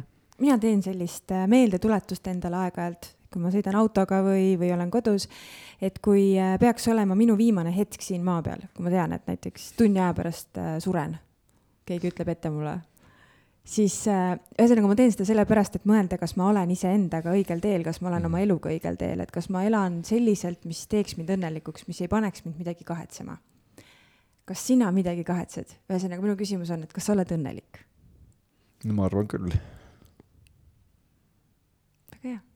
seda just oli kusjuures juttu, ma ei tea, kust ma kuulsin, aga et kuidas inimesed elaksid oma elu edasi, kui me kõik saaksime teada oma surmapäeva mm. -hmm. et kui, kui palju me muudame nagu äh, täna enda elus, kui me saame teada selle lõppkuupäeva Mm -hmm. aga et miks me ei võiks tegelikult iga päev elada niimoodi, et, et isegi kui me ei tea seda daatumit, on ju. just, et mhm. me unustame tihtipeale ära, et me mm -hmm. jääme kuskile rattasse kinni ja me, me unustame tegelikult ennast ära, sest mm -hmm. me anname endast nagu teistele hästi palju. Mina teen seda päris tihti just siis, eriti kui on mingi selline noorte keeles kass peale tuleb, et, et mis on see siis, mida ma peaks praegu muutma, et mitte olla siin hetkes ja, ja kui tõsiseltvõetav see nii-öelda jutumärkides kass siis on et kas see on lihtsalt mingisugune hetke emotsiooni loodud tunne või, või on ikkagi, tuleb midagi nagu muuta. meie aeg hakkab vaikselt täis tiksuma ja ma küsiksin siin äh,, küsiksin sinult ühe küsimuse. Ja siis mina äh, küsin veel ühe küsimuse. ja siis meil tegelikult on Arnot vaja ka, mitte vaja, vaid südamest tahaks õnnitleda me vist ei rääkinud sellest saate alguses. see ongi see, millest ma tegelikult tahan korraks rääkida. oo, super, me oleme ühel lainel. aga minu küsimus on selline, et on sul mõni mõte või tsitaat, mis on sind aidanud läbi elu nendel päevadel, kui ei ole olnud kõige kergem? ahah. Ma olen, ma olen nagu, no tihtipeale on noh, lähedaste sur-, surmadega on siis ma olen ikka püüdnud nagu sellise kaine mõistusega asja võtta ja, ja, ja, ja, ja, ja siis äh, mitte nagu väga suurde masendusse laskuda. ja noh, mäletan, kui mu ema suri, siis, äh, siis ma ikka läksin suusarajale ja siis, siis ma nagu, nagu sain nagu tagasi tagasi rahu endasse ja, ja noh, ega see nutmine ka midagi ei aita ju. ja, ja aga noh, lihtsalt ikka vist ongi niimoodi, et äh, pead natukene nagu mõtlema ja, ja kaaluma ja ja rahu, rahus end-, rahu endas leidma, et see on võib-olla kõige, kõige tähtsam, kui on, on nagu põhjust natukene nagu erutuda või mingid asjad mõjuvad sulle halvasti, et siis, siis vist on jah. ja noh, ikkagi sõbrad ja kaaslased enda ümber ka on, on väga tähtsad, et, et, et inimesel, inimene ikka üksinda ei saa hakkama. teistega jagamine. nii murede kui rõõmude jagamine pakub hästi suurt äh, mm -hmm rahuldust ja naudingut ja, tegelikult. aga meil on hea meel, et, et sind on sinu tegevuste eest ka tegelikult märgatud yeah. ja ma tegelikult praegu ei oska öelda, aga ma tean, et sa oled saanud ka Valgamaa aumärgi. ma ei tea, kas sa aastaarvu mäletad? kas see oli kaks tuhat seitseteist äkki, võis olla? Võib sellist. küll olla vist neli-viis aastat tagasi vist, jah. et see siis oli ka kindlasti seotud kogu sinu äh, nii-öelda õpetaja töö eest ja, ja puhkpilliorkestri vedamise eest ja ma arvan, et vast Otepää vald vast esitas mind, ega ma täpselt ei tea, seda mm, -hmm. seda ma ei ole uurinud, aga ma arvan, et ikka, ikka siit kohalikud inimesed. kas sellised äh, märkamised äh, annavad sulle midagi? No annavad ikka, see on nagu natuke nagu selline teistsugune tänu. et noh, kõige suurem tänu on see, kui, kui ikka orkestri lasti läheb ja, ja õpilastel konkurssidel ja et eh, ikka noh, päris palju on õpilastega saanud konkurssidel käia ja, ja noh, ka häid kohti ka on toodud. et, eh, et noh, see teebki elu natuke huvitavaks, muidu see igapäevane tunni andmine et, et see, see nagu värskendab ja, ja saab nagu teistega kontakteeruda ja teiste kolleegidega ja saad ennast, enda õpilasi võrrelda teistega. et noh, et tegelikult, tegelikult meie kool on väga tasemel. on ja kindlasti väga mm, -hmm. väga suur panus on ikkagi sinu panus ka ja kusjuures see täiesti juhuslik, et me ikkagi enne, kui ma räägin kohe sellest järgmisest märkamisest, me jõudsime tegelikult Arno, Arnot juba ise enne märgata mm -hmm. ja kutsuda sind siia, aga üheksandal oktoobril toimus siis Estonia kontserdimajas Eesti Puhkpillimuusika Ühingu aastakontsert ja Pühajärve Rõngu Puhkpilliorkester esitas siis äh, Arno juhtimisel erinevaid äh, heliloojate loomingut ja siis Arno pälvis Eesti Puhkpillimuusika Ühingu teenetemärgi pikaajalise panuse eest puhkpillimuusika edendamisse. kas sa teadsid seda ka ette, kas sa, või oli see täielik üllatus ikkagi? no see ongi kõige naljakam, et kui, kui Valka ka kutsuti, siis siis ikka uuriti ja et kas ma ikka tulen ja kõik püüavad hästi salajas hoida, aga kõik tahavad teada, kas sa tuled. muidu ei huvita kedagi, kas sa tuled kohale, aga siis. no ja, no Tallinnas me oleme ikka käinud, me oleme ka konkurssidel osalenud ja möödunud aasta läks meil ka päris hästi. ja, ja, ja siis ma ausalt öelda nagu selle peale nagu ei mõelnudki, et, et midagi võib kukkuda sealt et et me selle aasta kontserdil vist ühe korra kunagi ammu ka käisime, aga noh, vist siis oli ka, oli ka vist mingi põhjus ju tõesti, nii et, et aga noh, me läksime, läksime esinema tegelikult. Et, et see, see oli nagu ikka vist tähtsam, et me esinema läksime mängijate jaoks ja noh, mängijad mhm. on ikka tublid ja ma loodan, et nad vast väga pahased ei olnud, kui nad teada said nagu põhi, päris põhjuse. Kindlasti mitte. Ja ma arvan, et nad on väga uhked sinu üle ja, ja tänulikud sulle. ja ma arvan, tegelikult terve Otepää mhm. vald, äh, kõik inimesed äh, peaksid rohkem märkama ja tunnustama ja ja olema tänulikud, meil on selline võimalus endal siin tegelikult olemas, pluss kõik need kontserdid, mida te korraldate, et äh, mina kutsun inimesi rohkem äh, välja tulema, isegi kui sa mõtled selle peale, et ma ei kuula sellist muusikat, aga tegelikult sa ei tea sinnamaani, kui sa ei ole kuulanudki, sa ei tea, kas see tegelikult mõjub sulle või kuidas see mõjub, et lihtsalt isiklikult mind on hili-, hiljaaegu on, ütleme nii, et see muusika kuulamine, noh, see, see muutub elu jooksul nii palju, et, et kindlasti kõik tulge ja saage osa ja võtke see emotsioon vastu aga me vist tahame siis äh, tänada sind, et sa üldse olid nõus meie juurde tulema, meiega vestlema ja meie omalt poolt tahame siis äh, kinkida sulle äh, ühe plaadi ja see on siis meie tunnusmuusika autori Tobias Tammeru äh, plaat.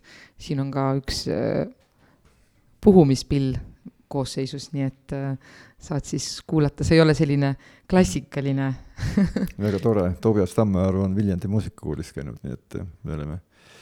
ja on küll jah, kas sa oled temaga kokku puutunud? et me oleme ühes puhkpilliorkestris mänginud, nii et. päriselt ja Otepää valla poolt on ka kaelussall, et sul kael ilusti soojas püsiks, kui sa käid jooks-, rattaga sõitmas või suusatamas. kas tume või hele? no võib hele olla, jah mm. -hmm. aga niikaua jah tõmbamegi siin vaikselt eh, otsad kokku. aitäh sulle, Arno, selle tunni aja eest. suur tänu kutsumast. Teiega oli väga meeldiv.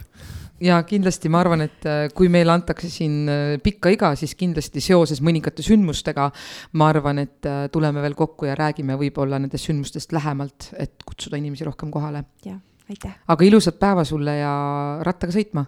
jah, aitäh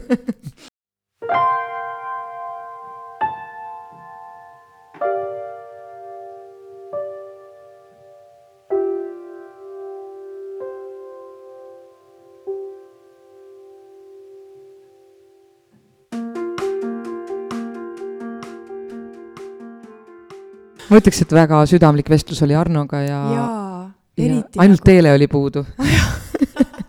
Ja ma just tahtsin tegelikult seda öelda, et ma olen väga tänulik, Heidi, et sa tegelikult äh, tulid siia Otepääle ja et meil tekkis selline koostöö omavahel, et me seda stuudiot teeme, sest et minu jaoks kuidagi ma tunnen, et me tegelikult talletame Otepää ajalugu, et neid artikleid võib äh, kuskile koguda ja, ja kirjutada, aga tegelikult see inimese hääl mm, -hmm. kes meil siin äh, elavad ja kes on siin olnud, siis see on nagu, omab mingisugust äh, erilist väärtust minu arvates veel ja kõige ägedam oleks, kui me kunagi saaks tekitada endale stuudiosaate, kus me filmime ka inimesi, et ka inimese, inimene videos oleks tegelikult meie ees. ja et just, et, et see emotsioon või see hetkeolukord äh, salvestub nii-öelda lindile ja, ja seda on nagu mingil hetkel nii tore kuulata kasvõi lähedastel, eks ju, kui on, ma ei tea, kümme, kakskümmend, kolmkümmend aastat möödas ja no just, inimesi ma, enam ei ole ja meie ma, oleme juba vanad, eks ju. kujutan ette ja mõtle, kui palju inimesi on tegelikult Arno õppimise alt läbi käinud, et kui, kui palju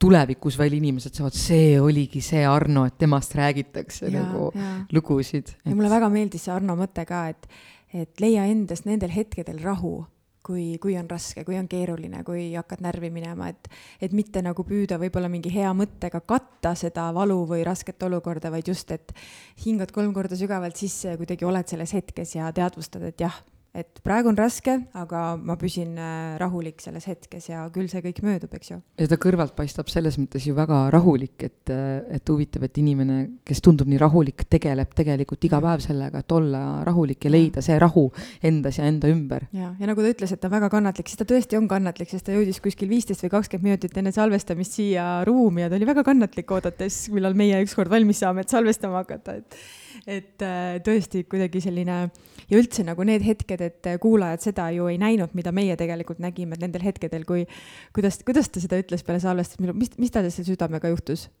süda läks äh,? süda läks. see oli nii naljakas. mitte hellaks, vaid ja nõrgaks äkki ja, või nõrgaks. kuidagi nagu. süda läks nõrgaks, see oli minu jaoks selline väljend, mida mina ei olnud varem kuulnud, et see oligi täpselt need hetked, kui ta korraks võttis aega, et, et neelatada, et hingata, sest, sest see konkreetne küsimus või, või teema, mida ta nagu avama hakkas väga,, väga-väga puudutas teda. ja kusjuures neid hetki ma nägin äh, ka mingitel muusikat püsi- pü,, äh, muusikat puudutavate küsimuste või vastuste ajal tegelikult, et ja. tema sees on nagu nii suur muusika. sisemaailm, et ta on ja. ikka väga läbitunnetatav inimene. aga sa muidu ei saaks tegeleda muusikaga kolmkümmend aastat äh, järjest, kui, kui see sinus nagu ei vibreeri, ei resoneeru sellisel tasemel, nagu, nagu temal äh, resoneerub, sest ka ise, kui ma olen varem teinud teiste muusikutega mm, saateid, siis see ongi see, et kui sa küsid, et miks sa tegeled muusikaga, siis vastus on nagu selline, et aga, aga millega siis üldse veel või et ma ei oskagi nagu midagi muud, et need inimesed ongi, ongi suure tähega muusika. ja see on, see on väga suur privileeg minu arust, kui inimene saab tegeleda elus üldse sellega, mis talle päriselt meeldib. kui ta on leidnud selle. kui ta teab, mida ta tahab teha, et äh, kõige kurvem on see, et kui inimene isegi ei tea, mida ta tahab. sest kui sa tead, siis sul on nagu kuhugi poole pürgida või midagi igatseda või mingi eesmärk, aga kui sa isegi ei tea, vot, vot see on niisugune asi, mis natukene teeb nagu kurvaks. jah, sest me kõik oleme ju otsingute teel ja, ja mõned ei leiagi, et minu isa kunagi ütles, et, et kas see oli umbes ainult viisteist protsenti inimestest, kes päriselt leiavad selle ala, mis, mis neid niimoodi nagu sütitab igapäevaselt ja neil on võimalik sellega ka tegeleda. sest me võime ju leida, aga ülejäänud elu võib ju niimoodi selga tulla, et, et ei ole võimalik tegeleda. ja kui palju seal on seotud sellega, et kui palju vanemad meid suunavad ja, ja. aga kas see on see õige tee, on ju, et ja iga inimene, keda me elus kohtame, mõjutab seda teed tegelikult, et see on, elu on üks põnev asi igastahes. aga huvitav, mis siin Otepää vallas ka uudist on väga sujuv. Ma saan aru, et me võime lihtsalt teise tunni muidu otsa panna ja siis saab keegi jälle öelda, et kuulge, teie tunnike ei olnud tunnikene. Jah, saladuskatte aga noh, te võite alati kinni panna mingist hetkest, kui tunnete, et kuulge, nüüd sai küll. Võite Vikerraadio või Klassikaraadio peale klassika panna vahepeal muusikat vahele kuulata, aga, aga jaa, me saladuskatte all siin äh, võin mainida, et me oleme Meriliniga mõelnud, et et lisaks iganädalasele külalisele, et võib-olla me teeme sellise naisteka. ei, ma arvan, et naistekas väga meeste teemadel mm -hmm. või selline ekstra saade, kus me võtame võib-olla mingi teema, võib-olla tuleb ka mingi ekspert meile, on ju, eks ole, et, et saame võib-olla arutleda mingisugustel äh, igapäevastel teemadel ka, mis võiksid meid rohkem puudutada. ja, et me saaks ennast teiega välja elada ikka siin saates. Aga uudist jaa, Otepää avatud noortekeskus pakub tööd noorsootöötajale täistööajaga. avatud noortekeskuse põhieesmärgiks on ühisest tegutsemisest huvitatud noorte ja noorteühenduste koondamine ning nendele tegevusvõimaluste pakkumine kodu- ja koolivälisel ajal, ennetamaks ning pidurdamaks noorte ühiskonnavastaste või sotsiaalselt vähesidusate hoiakute väljakujunemist. tööle asumise aeg on kokkuleppel, kandideerimiseks palume saata hiljemalt kahekümne viiendaks novembriks äh, CV, haridust tõendavate dokumentide koopiad ja avaldus. lisa juurde ka kirjatükk, kuidas näed teekonda koos noortega Otepää noortekeskuses ja dokumendid saata katlin.nuka at otepaa.ee, nuka on siis kahe k-ga jätkame siis noorte teemal, et äh, kaheteistkümnendal oktoobril avati Puka noortekeskuse uued ruumid, lõpuks ometi. Puka noortekeskuse uued ruumid asuvad endise Puka vallamaja ruumides. Varem olid need hoone abiruumid, kokku on noorte käsutuses kolm tuba ja köök. Pikka aega polnud noortekeskusel oma kindlat kohta, Puka noortekeskus on lõpuks saanud endale uued uhked ja avarad ruumid, sõnas Otepää vallavanem Jaanus Parkala. vallavalitsuse nimel ütlen, et mida lubasime, seda tegime. ja noortekeskuses on mängulauad, Playstation ning võimalus kasutada arvutit eh, nii õppetööks kui ka vabaks ajaks, selgitas Puka noortekeskuse noorsootöötaja Pille Priidik meie teeme noortega käelisi tegevusi, viime läbi igasuguseid üritusi, loodan, et Puka noored leiavad tee meie juurde kes soovib pikemalt Puka noortekeskuse avamisest lugeda, siis Otepää valla kodulehel otepaa.ee leiate täispikkuses artikli. see on nii oluline tegelikult, et noortel äh, oleks võimalus kuskil kokku saada, sest et ütleme nii, et koolis äh, sa käid selle päeva ära, eks ole, aga tegelikult seal ei teki ikkagi seda hetke, kus sa saad võib-olla tekitada endale seda turvalist äh, sõprusringkonda või, või kus sa saad veel mingisuguseid asju teha. et see on nii tänuväärne, et see Puka on ikkagi tekkinud, et väga-väga lahe igastahes. ma arvan, et mingil hetkel me võiks saatesse kutsuda ka kindlasti mõne noorsootöötaja või inimese, kes on siis rohkem äh, Otepää vallas nende noortekeskustega kokkupuutes, et ma arvan, et sellest oleks väga huvitav saade. just juba, sellepärast, et me võib-olla saame vaadata minevikku, et kuidas meie noortena mm. tegutsesime või toimetasime, mis toimus nagu üldse mis olukord praegu nagu noortel, noortel on jaa, talvepealinn Otepää otsib jõulupuud. hakkab pihta, kas jõulukingitused on kõigil ostetud, jaanipäev on möödas? kunagi oli, eelmise aasta jõulude ajal oli nii hea see meem, et äh, viimane aeg, viimane aeg inimestega tülli minna, siis ei pea nii palju jõulukingitusi ostma mina olen ikkagi see, ma ikkagi ootan, millal see Otepää kesk, keskplatsi jõulukuusk kasvab nii suureks, et äh, saab kasutada seda elavat puud. et ma olen sihuke, sihuke inimene, kes, äh, mul on ikka kurb, ma saan aru, et see on vana ja. traditsioon ja muidugi mõnus, aga tegelikult võib ju kuusehõnguks tuua tuppa ka ühe oksakese võib-olla mm. mingisuguselt murdunult äh, puult või mis iganes. ja mina, minul on ka alati nii kahju, aga ma mäletan, et vanemad mul alati võtsid neid kuusekesi sealt äh, elektriliinide alt, kus nad nii ehk nii ei saa väga kõrgeks kasvada ja siis see kuidagi nagu Just. Äh, vabastas minul selle hirmu või, või paha tunde ja, ja enda kodus nüüd täiskasvanuna ma olen ka päris tihti kunstkuuske kasutanud lihtsalt sellepärast, et äh, kuidagi kahju on. aga igal juhul jaa, Otepää otsib jõulupuud kas jõulukingitused on ostetud me oleme kuskil repeat'i peal. jõulupuu kaunistab jõulude ja uue aasta paiku taas talve pealinna keskväljakut ning pakub silmarõõmu kogu talveaja jooksul. väärika jõulupuu pikkus ei tohiks ületada neljateist meetrit, kuusk peab olema tihe, mitte väga kahar ja kasvama ligipääsetavas kohas. jõulupuu tuuakse linna esimeseks advendiks ning esimesel advendil süttivad sellel traditsiooniliselt ka jõulutuled. sobiva puu omanikel palume ühendust võtta kuni viieteistkümnenda novembrini e-posti aadressil jaak.grünberg at otepaa.ee ja Grünberg on Y-ga. ja kes siis äh, Arno lugu ei kuulanud, siis äh, veel väike ja oluline uudis, et üheksandal oktoobril toimus Estonia kontserdimajas Eesti Puhkpillimuusika Ühingu aastakontsert ja seal esines ka Pühajärve ja Rõngu puhkpilliorkester ja dirigent muidugi Arno Anton ja puhkpilliorkestri juhendaja Arno pälvis Eesti Puhkpillimuusika Ühingu teenete märgi pikaajalise panuse eest puhkpillimuusika edendamisse. nii et meil oli kuidagi väga õigel ajal väga õigesse auku nii-öelda läks meil see saade, et äh, super äge ikka. ma arvan, et see energia või vibe lihtsalt äh, tõi ta meieni. tõi ta meie absoluutselt ja, ja nii lahe. Te ei ole juhuslikult siia sattunud eks ole, eks ole, et kui keegi küsib, et miks just sellised külalised, siis meil on siin kõrgemad jõud mängus, nii et ega meie ei otsusta aga kultuurisündmused see eelmine oli nali muidugi, me ikka ise otsustame jah, ei ole kuidagi corruptive ja kultuurisündmused juba selle nädala reedel, kahekümne teisel oktoobril kell seitse. Otepää kultuurimajas muusikaline komöödia Isal on plaan laulude ja graafikutena. laval on siis Mihkel Tikerpalu, kes on kannab siis seda mõtet edasi, kuigi ta väidab ennast, et või ütleb, et ta on ainult ühe plikatirtsu isa ja ses suhtes algaja. mõtted on kirja pannud Mihkel Seeder, kes on kaksikute isa ja heliilma loonud äh, Madis Kreevan, kes on samuti kaksikute isa ja Mihkliga koos ongi siis Madis Kreevan lava peal ka etenduse kestus koos vaheajaga on kaks tundi, vaheajal on avatud Kultuurimaja kohvik. pileteid on võimalik eelmüügist osta kümne euroga ja samal päeval koha pealt ostes on kaksteist eurot. ja nüüd on meil Otepää Kultuurimajas ka võimalus internetist pileteid osta, nii et kes tahab osta soodsamalt ja, ja kindlustada, kindlustada endale kohta saalis, siis fienta.com on selline koht, kus te selle etenduse kohta infot leiate ja kellel on veel äh, lisaküsimusi, siis äh, võib helistada Merle Soonbergile numbril viis kuus kuus kaks kuus neli kaheksa üks. No põhimõtteliselt on tegemist ikkagi teatrietendusega arvatavasti, aga seal on lihtsalt rohkem laulu võib-olla kui klassikalises äh, teatri, teatris on. Mm, -hmm. aga lihtsalt kuna meid ei kuula nagu üle Eesti inimesed, siis ma võin öelda, et Mihkel Tikerpalu naine on minu kursaõde ja teeb minuga improteatris kaasa ja nad ootavad teist last, nii et ütleme niimoodi, et äh, kaksikute isa, kaksikute isa ja kahe lapse isa siis varsti on Mihkel.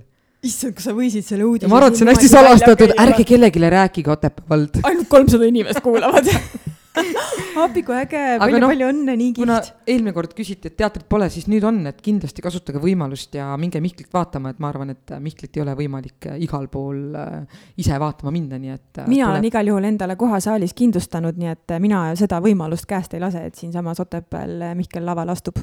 aga kultuurimaailmas on kahekümne kolmandal oktoobril väga oluline päev, see on Eestimaa rahvamajade päev, kus erinevad rahva- ja kultuurimajad avavad oma uksed külastajatele selle päeva raames toimub Sangaste kultuurimajas kell kaheksateist null null Simman, kus äh, tantsutavad lõõtsavänsutajad. Nõuni kultuurimajas on samuti tantsuõhtu algusega kell kakskümmend null null ja muusikat mängib Raen Väikene ja Puka kultuurimajas on võimalik ajavahemikul üksteist kuni neliteist tutvuda kultuurimaja eluoluga ning küsida erinevaid kultuurielu, kultuurimaja puudutavaid küsimusi jaa, ja sama päeva õhtul, kahekümne kolmandal oktoobril, laupäeva õhtul siis Otepää kultuurimajas äh, kutsub event peokorraldus kõiki sügispeole. Äh, tule tantsi ja veeda üks mõnus õhtupoolik, õhtu peaesineja on Shannon. uksed avatakse kell seitse ja Shannon läheb peale kell üheksa. pidu on siis võimalik nautida kuni kella üheni hommikul. enne ja peale Shannonit äh, mängib DJ vanu ja uusi lugusid. piletid on müügil katemee.com või siis gatemee.com ja rohkem infot, kes tahab teada, on event peokorraldus at gmail.com ja kui tantsuõhtu möödas, siis kahekümne neljandal oktoobril toimuvad Otepää vallamängud. Orienteerumine kell kolmteist kolmkümmend kuni kuusteist kolmkümmend. osalevad kolmeliikmelised segavõistkonnad, üks liige peab olema naine. See on suur reegel kehtivad EOL võistlusreeglid ning kaardid on joonistatud vastavalt orienteerumiskaardi leppemärkidele. ja lisainfot saate www.otepasport.ee. ja teisipäeval, kahekümne kuuendal oktoobril kell pool üksteist päeval siis või hommikul on äh, Otepää Looduskeskuses Otepää noore looduskaitsja laager. kui sa oled kümne kuni kaheksateist aastane ja tahaksid loodusest rohkem teada ja selle heaks ka käed külge panna, siis tule ja osale äh, Otepää noore looduskaitse programmis. saame esimest korda kokku teisipäeval, kahekümne kuuendal oktoobril kell pool üksteist Otepää Looduskeskuses. rohkem infot kaitsealad.ee, sealt võta uudised ja selle alt Otepääl on tulemas esimene noore looduskaitselaager ja seal on siis rohkem infot kogu selle laagri kohta, kui kaua see kestab, mis seal tehakse, nii et äh, mine vaata järgi kaitsealad.ee. tundub igastahes väga põnev et kui Mõnus, oleks, oleks, oleks veel seal noorte, noore vanuses, siis läheks ise ka. kaheksateist nipet-napet, vaata. no väga nipet-napet, noh siga-saga. aga jaa, sündmuseid äh, nüüd äh, jooksva nädala või järgmise nädala jooksul on, nii et võtke kindlasti millestki ühendust, paneme teile südamele, et need sündmused on loodud just nimelt teie jaoks, hea Otepää vallarahvas ja ka kaugemalt äh, kuulajad. ja kes näeb välja, kes ja kes teab, milline Arno välja näeb, siis võtke nööbist kinni ja soovige talle palju õnne jaa, sest äh, teenete märgi saajaga isiklikult tuttavaks saada on kohe eriline au minu meelest. absoluutselt, aga meil on ka jällegi võlg eelmises saates, et äh, kuulajale siis tähelepanelik, ei tähelepaneliku kuulaja küsimusele vastas õigesti äh... hunnik inimesi ja nüüd siis minu kord on siis äh, loosida välja see inimene ja tema sai võita meil siis Tobias Tammeru trio plaadi ja Otepää kultuurikeskuste meene ehk veepudeli. jaa, just, just. ja meie õnnelik võitja, õnnelik võitja, ohoo, ütleme nii, et tegemist on korruptsiooniga aga kuna kõik inimesed meie saates on nagunii meie sugulased ja tuttavad, siis äh, nagunii ei saa, ei saa ilma selleta, et äh, et auhind läheb kõrvalmajja ja meie õnnelik võitja on seekord Ilmo Tamm. palju õnne, ma juba kuulen, kuidas see tema kajakas üle toaga kostub, kui ta kuuleb seda, nii et palju õnne, Ilmo. ja, nii et hakka lõpuks vett jooma ja normaalset muusikat kuulama aga äh, kõigile, kes kuulasid meie tänast saadet Arnoga, siis äh, kas me jõudsime mingisuguse küsimusega välja mõelda, ei jõudnud veel, on ju? jaa, me võiksime küsida, et milline oli kõige esimene puhkpill? mida Arno äh, salamisi puhkus või millest tema, temal see armastus puhkpilli maailma vastu algas. ta vist mainis, on ju, mida tema mängis ja mida tema vend siis äh, alguses mängis, jah mm? -hmm. et mis, mis oli see esimene pill, mis siis ühendas äh, Arno muusikaga jaa, ma arvan, et see on väga ilus äh, küsimus ja veel ilusam vastus. ehk siis kirjutage ikka tunnike äh, otepad at gmail.com või siis meie Facebooki postkasti tunnike otepad. jaa, või meile sõnumitesse ja võite jätkuvalt anda meile tagasisidet, teha ettepanekuid, me oleme kõigele avatud.